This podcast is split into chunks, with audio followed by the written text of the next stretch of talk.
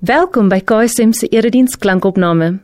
Nadat jy hierdie boodskap geluister het, sal ons dit regtig waardeer as jy die boodskap rate of in Afrikaans gestel beoordeel en deel met ander. Jou terugvoer help ander om saam met ons die Jesuslewe te ontdek, omdat Jesus alles verander. Hier is vandag se boodskap. Ja Here, ons gee onsself weer vanaand vir U. Here, ons sê so maklik, ja, ek gee myself vir U en dan stap ons weg en ons leef asof hy nooit hier was nie. Dink miskien moet ons vanaand as gelowiges begin soos wat u u disippels aanraai. En dis dalk om te begin met 'n nee. Amen.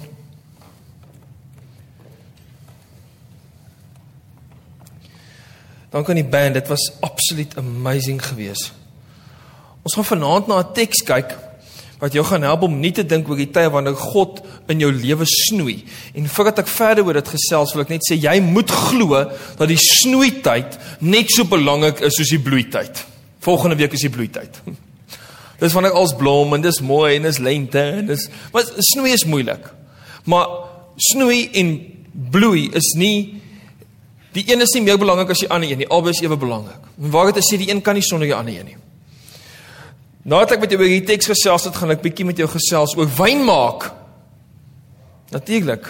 En die belangrikheid van snoei in hierdie bedryf. My neef is 'n wynmaker in die Kaap. Hy het my altyd gesê onthou as jy iets spreek oor wyn, moenie my naam noem nie. Nee, ek speel. Sê altyd onthou net, dis 'n bedryf.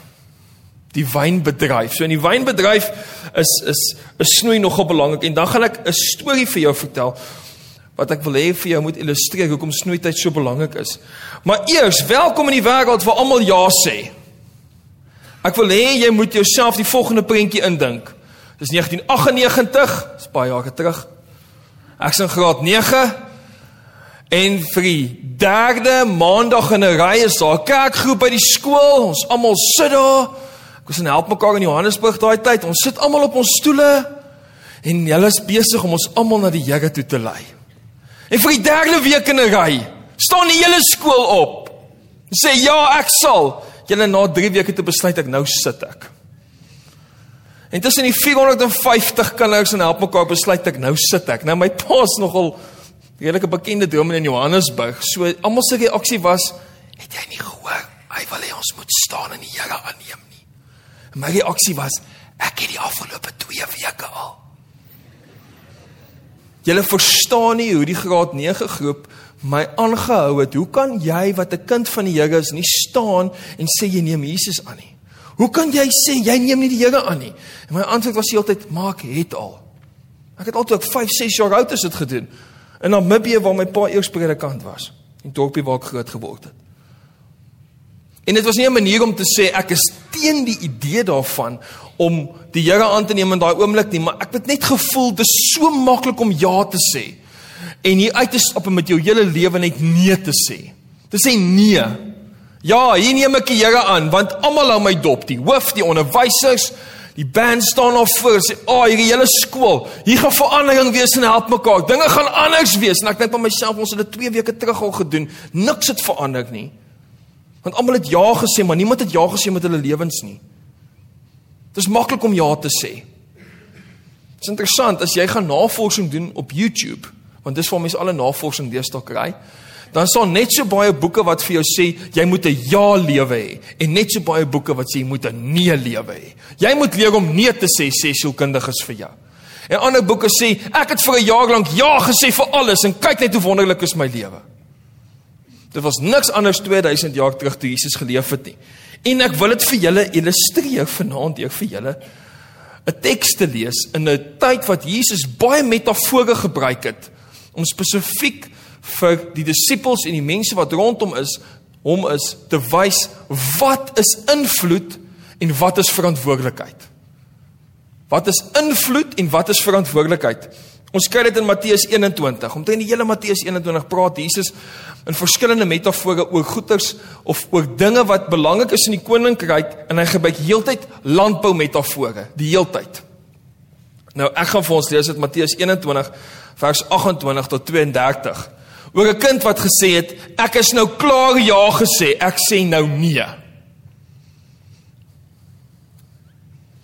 Jesus het natuurlik nou weer eens 'n metafoor hier gebruik uit die landbouwêreld uit. Hy praat oor 'n wingerd. Jesus het gereeld gepraat oor 'n wingerd. Dis een van die bekendste frases wat ons kry in die evangelies is dat Jesus praat oor wingerde. En hy gebruik dit op verskillende maniere en verskillende metafore om verskillende punte te bewys, maar hier gebruik hy nou 'n interessante storie. Hy's besig om te praat met spesifiek die Fariseërs en dan sê hy: "Wat sê julle daar hiervan? Daar's 'n man met twee seuns. Hy het vir die een gaan sê: "Seun, gaan werk vandag in die wingerd."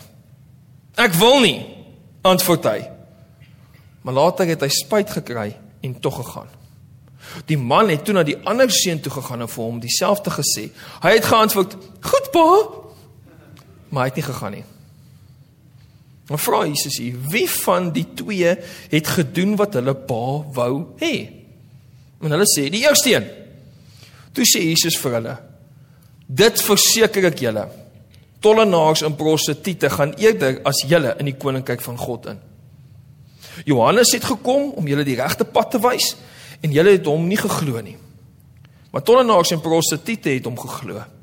Maar selfs toe julle dit sien, het julle nie agterna berou gekry en hom geglo nie.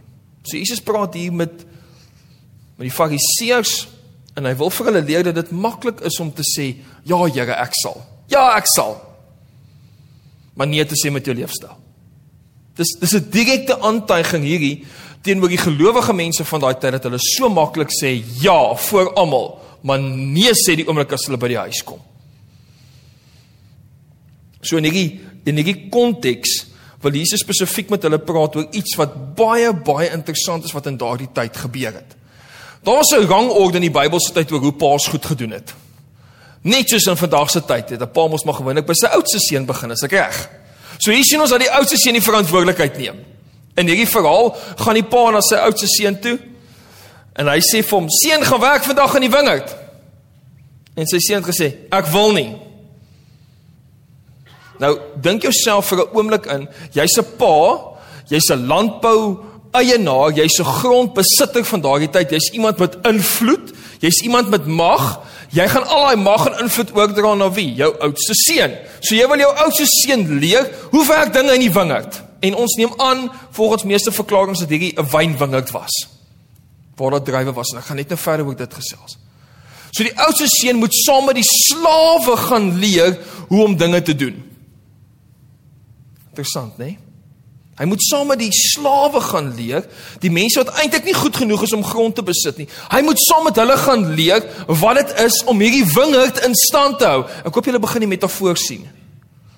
Jesus wil hê die fariseërs moet begin verstaan hoe meer julle tyd spandeer saam met mense wat julle dink nie goed genoeg is soos julle nie, soos tollenaars en fariseërs en prostituie, hoe of ekskuus nie fariseërs nie, tollenaars en prostituie, hoe meer gaan julle besef hoe die lewe werk en dat jy by hulle dinge gaan leer wat jy nie geweet het die waarheid is oor God nie. Dis Jesus se manier om te sê, my Vader is betrokke selfs in mense wat jy een kan skuif se lewens. My Vader is betrokke in mense se lewens wat jy dink nie goed genoeg is nie. Hy's daar betrokke in hulle lewens. Besef jy dit? So dis van wie hy praat. So hy sê dan nou vir die oudste seun, gaan werk vandag in die wingerd en hierdie seun sê ek wil nie terug by die pa se reaksie. Die pa se reaksie moes een wees van verdwaaldheid. Wat? Jy wil nie gaan werk in die wingerd nie. Nou sê een van die kommentare, dis waarskynlik die die cue gewees soos die Engelsman sê vir vir hierdie seun om te dink maar dalk is daar tog 'n bate daarvan om te gaan werk in die wingerd. Dalk beteken dit tog iets vir my om te gaan en iets te gaan doen saam met die mense wat ek dink nie so goed is soos ek nie. Dalk gaan ek iets leer ken van hoe die wêreld werk deur gewone goed te doen saam met hierdie mense wat ek dink nie goed genoeg is nie. Dalk moet ek 'n bietjie gaan snoei. In die Bybelse tyd was die moeilikste ding in die wingerd om te doen was om te snoei. Vandag nog mag nie enige iemand snoei nie. Wie van julle het op uit boek soek 'n vrou gekyk? Daar's elke tweede, derde is so 'n boer wat nie beïndruk is op sy wynplaas met een van hierdie noontjies wat iets kom snoei en dan snoei sy verkeerd nie. Kon nou daar was daai een boer, maar hy, hy raak so rooi hier van onder af, toe dink ek. Sterkte vir jou. jy gaan nie na die top 2 toe nie. Jy moet weet wat jy doen as jy snoei. Snoei is nie sommer net vir nie. Jy moet weet wat jy doen as jy besig is om 'n wingerd te snoei. Nou dis belangrik in die Bybelse tyd net soos wat dit vandag is. So die seun is veronderstel om in die wingerd te wees dat hy kan leer hoe om 'n deeglike snoeier te wees dat daar vrug kan wees. Hy het nodig om betrokke te wees by die snoeiproses sodat sodat daai drywe goeie trosse maak. En nou gaan ek dit vir julle verduidelik in die hand van twee stoele. En ek soek gou-gou twee vrywilligers. En ek is nie soos wat Willie Leroux doen as hy springbokke speel en sê hy sal hom vang nie, jy sal hom vang. Jammer Willie. Ek soek ek soek een vir elke stoel. Ha. Oh, wat's jou naam? En ons Martin. Martin. Okay, Martin. Baie geluk. Jy's die seun wat nie wou gaan nie. Sit gou daar, dankie. Ek het dit nie voor die tyd gesê nie, anders het niemand opgekom nie. Hallo, wat's jou naam? Wesley. Hey Wesley, lekker om jou te ontmoet. Ek's gek dit. Jy's die seun wat wat gesê het jy sal gaan maar nie gegaan het nie. Okay, so Wesley is die seun wat sê ek ek sien nie kans hiervoor nie. Nee, skus, jy's die seun wat sê ek sal gaan. Jammer. Wesley sê ek sal gaan pa. Hy's jy weet, hy's die jongste, maar hy En die rede hoekom Wesley waarskynlik gesê het ek sal nie ek sal dit doen is hy het geleer by Ouboet Martin wat gesê het ek gaan dit nie doen nie. Sy pa se reaksie gesien het en besef het maar wag, hier's 'n kulturele ding van ek moet ja sê. Die die as ek my pa gelukkig volhou, dan moet ek soos hierdie seun maak, moet soos my Ouboet maak en ek moet net sê ek moet dit gaan doen. Want hy het nee gesê, maar hy het dit gaan doen en hy het teruggekom met 'n klomp ervaring.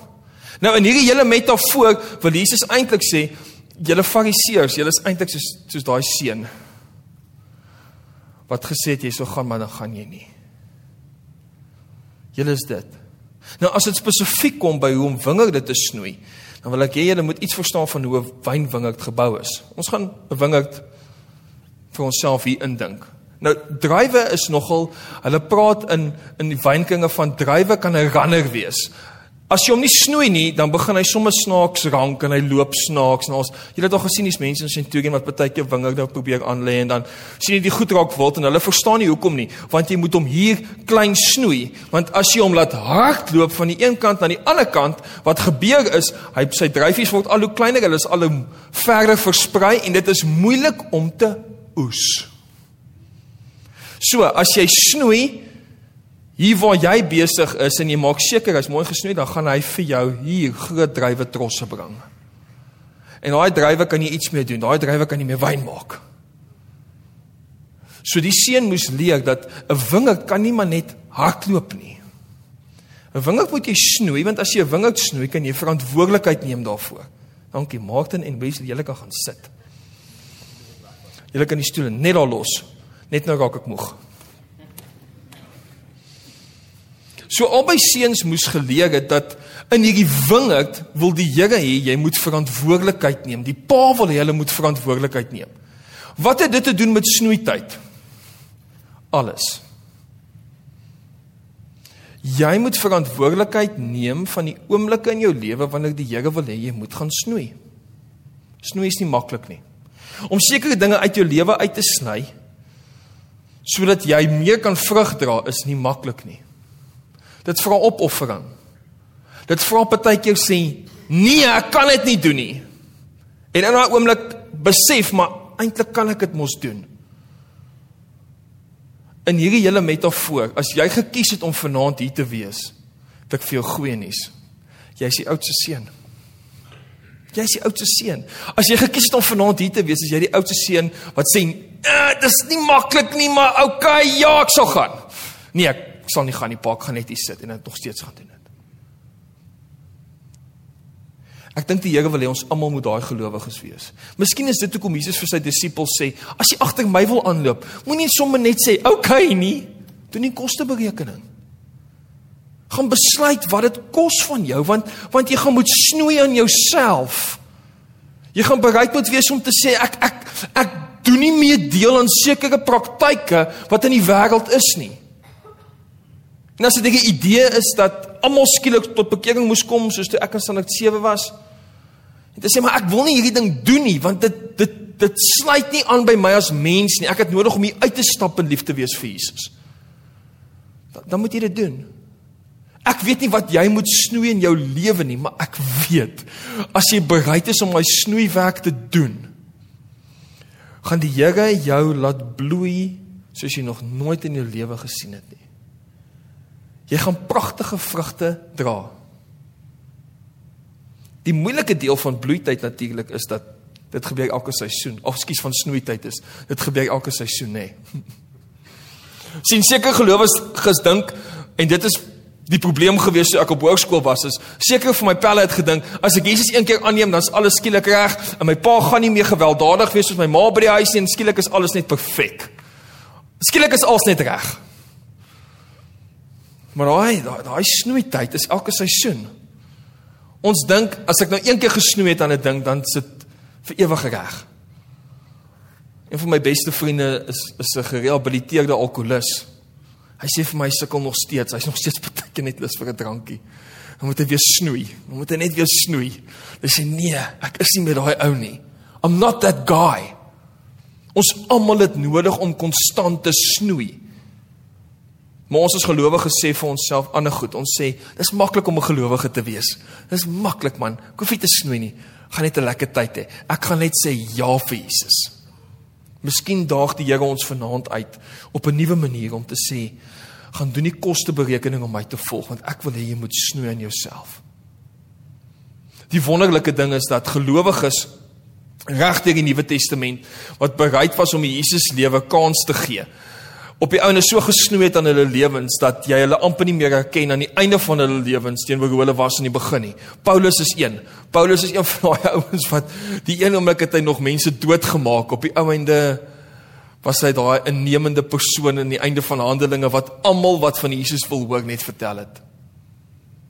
Sien versekerde mense doen Jesus dit in 'n oomblik. Die vrou by die put in Samaria.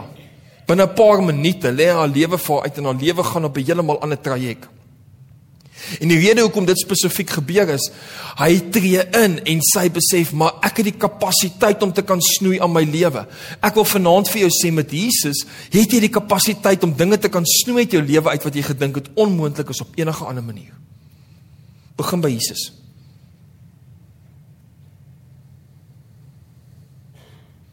Wanneer hierdie wingerd gesnoei word, is natuurlik die wonderlike ding dat elke dryf het die potensiaal om te kom tot sy eie reg.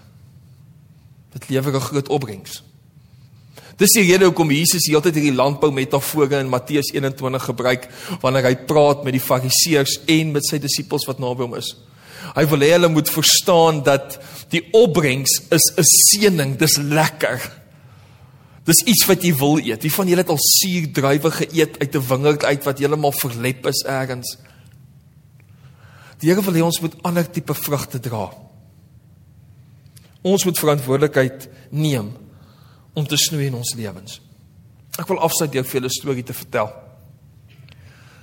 Hulle vertel die verhaal van iemand wat beeldhouwerk gedoen het, wat gewoon het langs 'n klein seentjie saam met sy pa en sy ma. En hierdie klein seentjie het van kleins af gesien hoe hierdie oom langsaan beeldhouwerk doen. Hy het geweet die oom is 'n beeldhouer. Maar wat die oom sou doen is hy sou gewoon 'n stuk marmer of 'n stuk rots by sy huis ontvang het en al wat gebeur is die stuk rots sou ingebring geword het in sy garage en 6 maande later dan kom daar iets nuuts uit. Nou vir 4-jarige of 5-jarige of 6-jarige seentjies is dit nou baie interessant. Hier gaan iets in, maar hier kom iets baie anders hier uit. En eendag eendag toe besluit hy maar hy wil 'n bietjie loer. Wat maak hierdie oom met die nuwe rots in sy garage? En hy het so deur die venster geloer en hy sien die oom het vir homself 'n koppie koffie gemaak. Hy die koffie neergesit en na hy sy koffie gedrink het, het hy gou 'n bietjie gekyk wat die Springbok en die Sevens. Oh. En hy het sy hamer en sy bytel gevat en hy het bietjie hier aan die bietjie daar getik aan hom en hy het bietjie hier in die rots getik en hy het omgestap en hy het hom so bekyk Hy het hom hier getik en hy het hier omgestap en hy het hier getik. En toe kyk hy hom so en hy sê: "Ja, nee, lyk vir my goed." En hy stap uit en die seentjie het gedink, "Maar dis baie snaaks." As die oom besig is met beeldhouwerk, wat het hy nou net gedoen? En 10 minute later kom die oom weer in. En hy byt hulle 'n bietjie hier en hy slaan 'n bietjie daar en hy slaan bietjie oral. Jy sien jy het gedink dis baie snaaks. En na 'n week van die hele tyd loer deur die venster en nie sy huiswerk doen nie. Het hy besluit hy gaan sy moed bymekaar skep en hy gaan met die oom praat en hy gaan sê vir die oom: "Oom, ek wil by jou weet. Wat maak jy hier in die motorhuis? Wat gaan hier aan? Waarmee is jy besig?" Hy sê: "Nee, ek, ek's besig met 'n Afrika olifant." Hy sê: "Wat?" Hy sê: "Oom sê nee, ek is besig met 'n Afrika olifant. Die die rots is eintlik 'n Afrika olifant." Hy sê: "Oom, dit kan nie wees nie. Ek het jou gesien in aksie." Dit kan nie wees nie. Jy moet ergens goed uit die grond uit opkom wat jy bring om ons heeltemal om die bos te lei. Hierdie ding kan nie 'n Afrika olifant wees. En hy sê, "Kom kyk." 6 maande later. So daar gaan groot lorry op en hulle laai hierdie pragtige Afrika olifant agter op die lorry en die seentjie het so verbaas gekyk na die oom. Hy het gevra, "Oom, hoe het jy van dit 'n Afrika olifant gemaak?" Toe sê "Jy verstaan verkeerd." Ek het alles weggevat wat nie Afrika olifant was nie. Dis die snoeityd. sien ons verstaan nie hoekom die Here partykeer wanneer hy spreek woordelik aan ons snoei. Hier tik en daar tik en daar tik. Ag nee Here, hoekom tik jy hier in my lewe? Dis nie waar ek die snoeityd wil hê nie. Hy het die groot prentjie van wie ek en jy is. Daarom moet jy die snoeiproses vertrou. Hy het jou gemaak en hy weet wat jy nodig het. Hy weet wat jy nodig het as hy snoei op plekke wat jy voel ek het nie lus dat die Here hier aan my timmer nie. Hy het die groot prentjie. Al wat hy vra van ons is bly in die garage dat ek jou kan snoei. Dis al wat hy vra.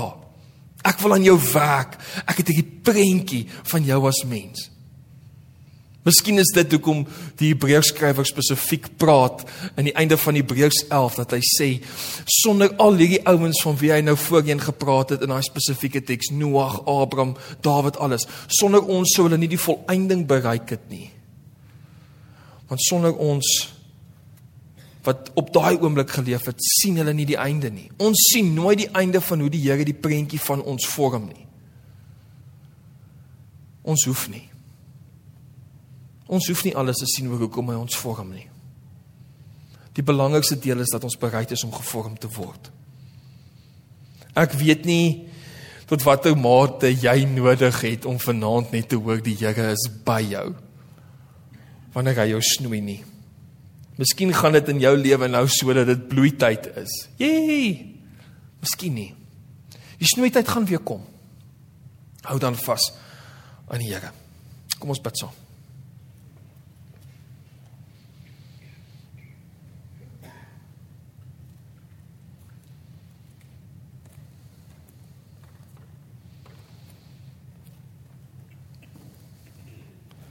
Here, ek wil nie altyd hê dat jy aan my moet chisel met 'n hamer nie. Here, regtig, baie keer is ek net nie lus of voor nie. Ek ek wil myself uit die garage uithaal. Here, baie keer as jy aan my aan my snoei, voel ek dis nie lekker nie. Maar Here, ek besef ook vanaand baie keer snoei U aan my. En baie keer het ek nodig om aan myself te snoei. Baie keer, Here, wil ek nie aan myself snoei nie want ek is maar so 'n bietjie lui. Here, U kom wys vir ons dat wanneer ons verantwoordelikheid neem vir die snoeiproses in ons lewe.